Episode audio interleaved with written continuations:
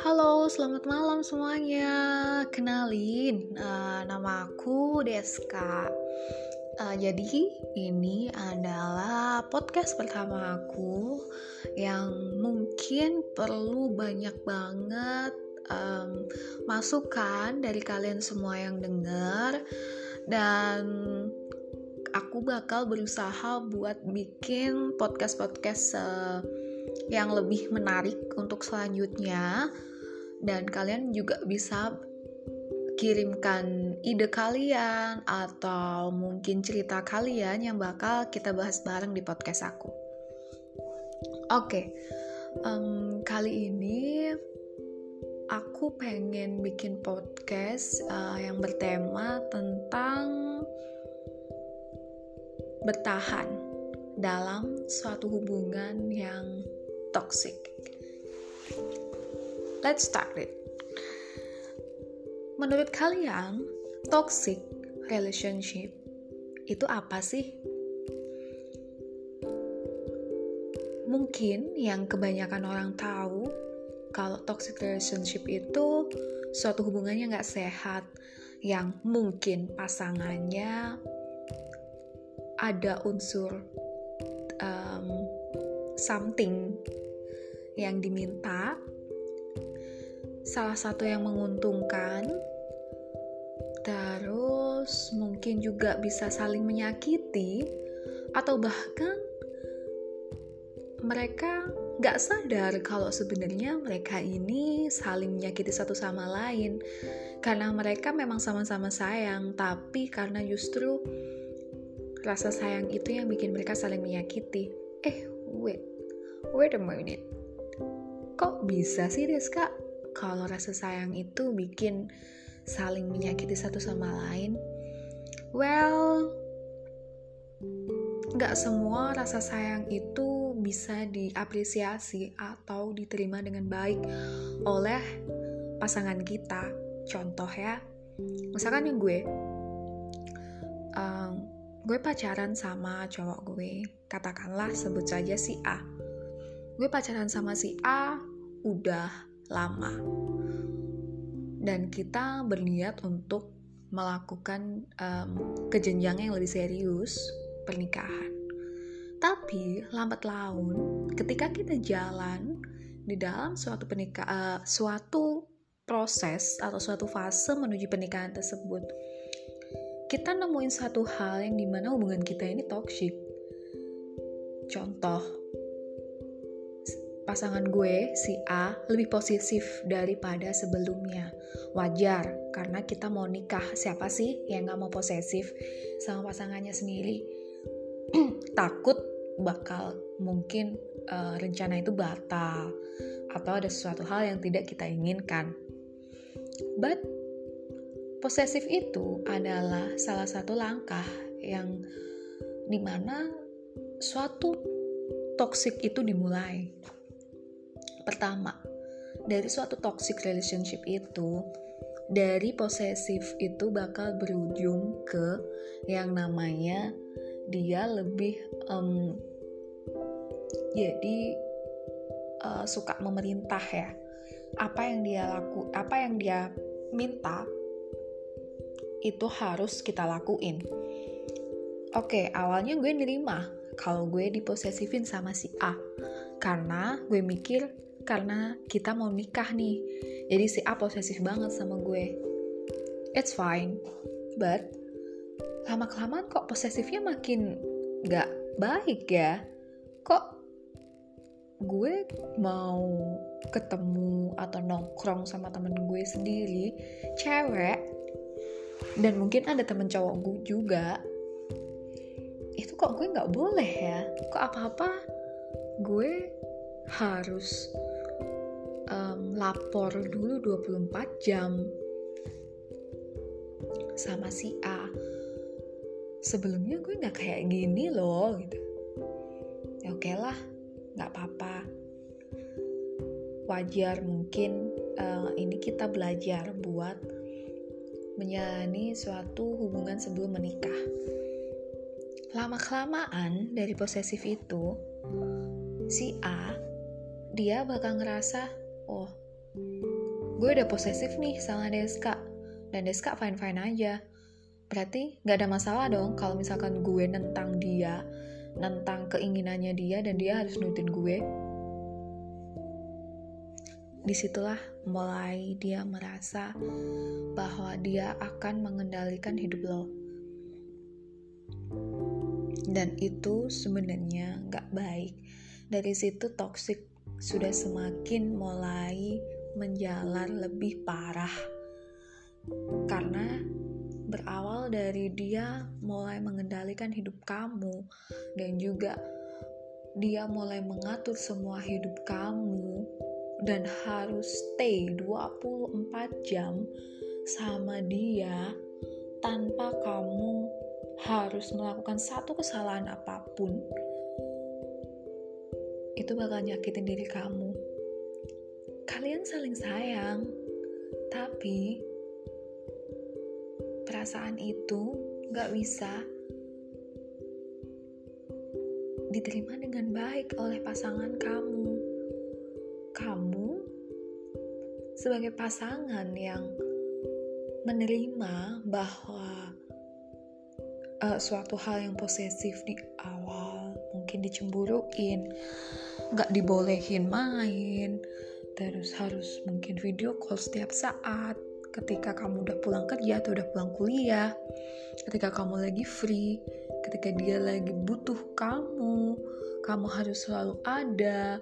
Apa pun itu yang dia katakan kamu gak boleh nolak, kamu gak bisa ngebantah. Satu kali kamu ngebantah, dia fine. Tapi ketika kamu mulai berkali-kali membantah dan itu memang uh, reasonnya, itu kamu bener. Dia gak bakal bisa terima. Contoh, yang aku mau pergi nih sama mama aku keluar mau cari um, baju nih gitu udah pamit nih gue sama cowok gue. Cowok gue bilang gak usah di rumah aja cuaca sekarang lagi mendung. Oke. Okay. gue nurut sama dia. Kedua yang aku mau ada ini nih uh, kumpul sama teman kerja sepulang kerja ini ada kayak sejenis gathering gitu loh di tempat kerja. Karena kita mau ada anniversary ulang tahun yang pertama nih di kantor. Gak usah buat apa sih keluar kayak kayak gitu. Pulang kerja itu ya langsung pulang. Mana waktu kamu buat aku kalau kamu harus selalu sama teman-teman kamu? Oke di situ kita mulai mikir iya nggak sih? Ini teman kerja loh. Sebagian besar waktu yang kita um, keluarkan mulai dari pagi sampai sore contohnya. Bekerja. Ketemu dengan orang-orang kerja. Ketika kita nggak menghadiri satu acara yang bisa dibilang itu semi formal coba gimana? Apakah itu suatu hal yang make sense? Nggak mungkin dong otomatis kita nolak dong. Ya nggak bisa yang. Ya gimana sih yang? Ini kan temen kerja beda kalau sama temen main. Oke lah kalau misalkan aku sama temen main kamu nggak ngebulihin nggak apa-apa. Tapi ini temen kerja loh. Ada BM aku ada ops aku ada partner aku. Semuanya teman-teman kerjanya di situ. Karena kita ngerayain anniversary bareng. Kamu bisa dengar aku nggak? Atau aku jemput kamu pulang sekarang dengan alasan uh, aku langsung bilang izinin kamu ke BM kamu kalau kamu nggak bisa ikut acara ini. Kamu milih mana? Oke okay, what? Daripada lu bohong daripada lu uh, tengkar sama cowok lu yang bakal jadi suami pasti lu milih buat nggak menghadiri itu dengan alasan yang mungkin sedikit memaksakan. Contoh, mungkin kamu bakal alasan kalau lo sakit, kamu bakal alasan kalau ada keluarga, atau apalah whatever. yang sekiranya memang nggak bisa terbantahkan. But itu nggak bakal terjadi satu dua kali. Itu bakal terjadi berkali-kali. Dan di situlah kamu harus sudah mulai bisa kontrol sama diri kamu. Dan kamu harus bisa cerita, ngomong berdua, diskusi berdua sama cowok kamu. Yang ini tuh nggak bisa diginiin terus aku terima kok kalau kamu posesif, tapi jangan terlalu banget. Aku gak bakal ke mana-mana. Kita bakal tetap nikah. Ketika aku bikin suatu agenda dan agenda itu menurut aku penting, aku minta tolong. Aku jangan dilarang. ketika kamu ngomong baik-baik, mungkin pasangan kamu bakal bisa nerima waktu itu. Karena dia juga tipe orang yang mungkin mana ada sih yang suka bertengkar lama-lama sama pasangannya sendiri. Nobody. Tapi seiring berjalannya waktu, sifatnya dia bakal muncul lagi itu yang bakal harus kamu garis bawahi. Satu, posesif. Kedua, um, suka memerintah. Mengendalikan hidup kamu. Ketiga, kamu bakal dibuat ngerasa serba salah ketika kamu gak menuruti perkataannya, dia bakal sedikit mengancam yang mungkin bikin kamu ngerasa bersalah dan kamu bakal ngerasa, oh ya Tuhan, kok gue gak ngerasa sih? Kalau cowok gue ini sayang banget sama gue sampai ngelarang kayak gini. Sampai sekarang dia harus gini sama gue. Oh, gue ngerasa bersalah banget nih tau gitu gue juga nurutin kata-katanya dia buat nggak ikut anniversary kemarin. That's the point. Kamu bakal ngerasa bersalah. Terus dan terus. Cowok kamu pasangan kamu laki-laki atau perempuan pun itu bakal ngebuat kamu seperti itu terus. Dengan yang bisa dibilang ancamannya itu mulai dari ancaman yang kecil yang bikin kamu merasa uh, kamu merasa tersayangi banget sampai ke ancaman yang besar yang mungkin bisa me membahayakan hidupnya atau hidup kamu sampai kamu merasa bersalah. Yang keempat, kamu bakal merasa gak ada orang lain yang bisa nerima kamu selain dia. Karena kamu sudah berhubungan sangat lama dan kamu menuju ke status yang lebih serius ke jenjang pernikahan atau mungkin kamu sudah menikah saat ini mungkin kamu sedang di tahap awal pernikahan atau kamu sedang sudah lama ada di pernikahan ini dan kamu sudah punya anak tapi lama kelamaan toxic itu kamu rasain dan kamu udah mulai gak nyaman. Kamu memang awalnya merasa gak ada orang lain yang bakal nerima kamu selain dia. Karena dengan segala kekurangan kamu, dia bisa nerima semuanya. Segala lebih dan kurang kamu, dia bisa menerima tanpa ada komplain satu apa pun. Hanya saja, dia memang gak komplain. Dia memang gak mempermasalahkan latar belakang dan masa lalu kamu, tapi dia sudah mengambil sebagian besar kehidupan kamu, dan dia pasti akan mengeluarkan kata-kata. Aku ini sayang sama kamu, aku ini gak mau kehilangan kamu. Kamu gak bisa ya ngerti aku sedikit pun hubungan kita bukan sebatas hubungan yang kayak anak muda lagi loh. Kita udah di hubungan yang serius. Kok kamu tetap aja nggak bisa ngertiin aku sih? Aku nerima kamu apa adanya. Kurang apa aku sama kamu selama ini? Kata-kata itu yang bakal bikin kamu kurang apa ya ke dia sampai dia bilang kayak gini?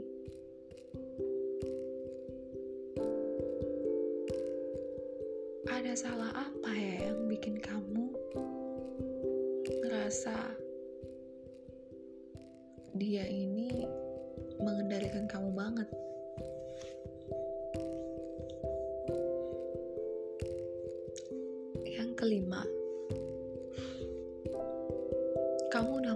mulai ngerasa toxic relationship. Dan kamu mungkin berada di situasi ketika kamu ingin mengakhiri kamu takut nanti akan berimbas buruk untuk pasangan kamu. Dan mungkin untuk hidup kamu akhirnya kamu memilih bertahan. Ketika dalam masa bertahan itu kamu menemukan satu titik di mana kamu merasa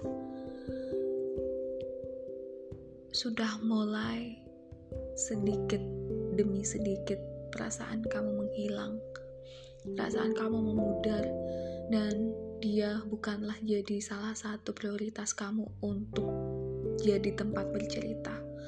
Yang awalnya kamu selalu antusias nyeritain hari-hari kamu, tapi setelah munculnya toxic itu tadi, kamu ngerasa buat apa aku cerita sama dia ya? Dia nanti juga tanggapannya juga pasti kayak gini. Ya udahlah aku pamitan dulu aku mau berangkat kerja aku pulang kerja aku lagi istirahat.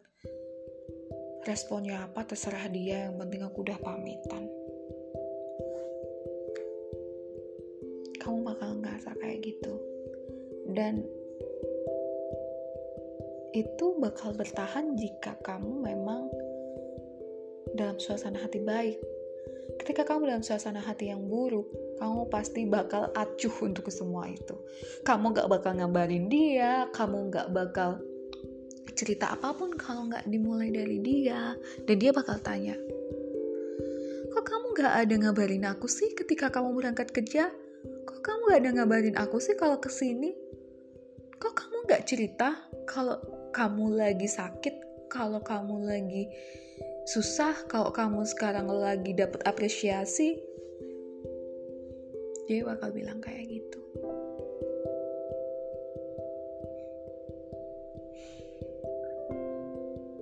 Toxic relationship, it's a difficult thing to move. I think anyone But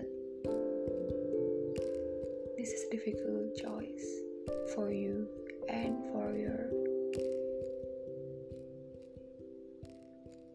soulmate. It's not the right thing for the longer journey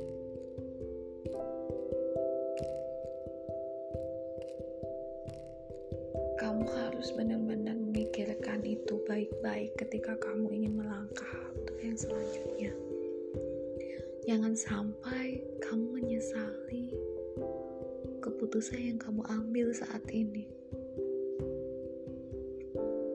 Janganlah kamu terpaksa melakukan hal-hal yang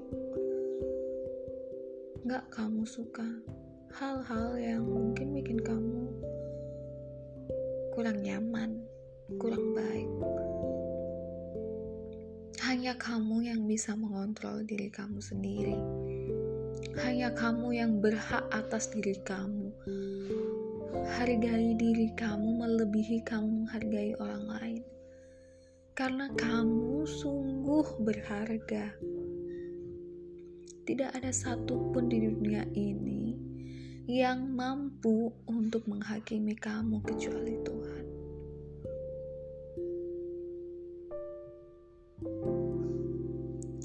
Hebat. Kamu kuat. Sampai jumpa di podcast selanjutnya. Selamat malam. Stay safe and stay healthy. Semoga kita semua selalu dalam lindungan Tuhan dan tetap jaga kesehatan ya dan patuhi protokol kesehatan jika kamu berada di luar rumah. Bye bye.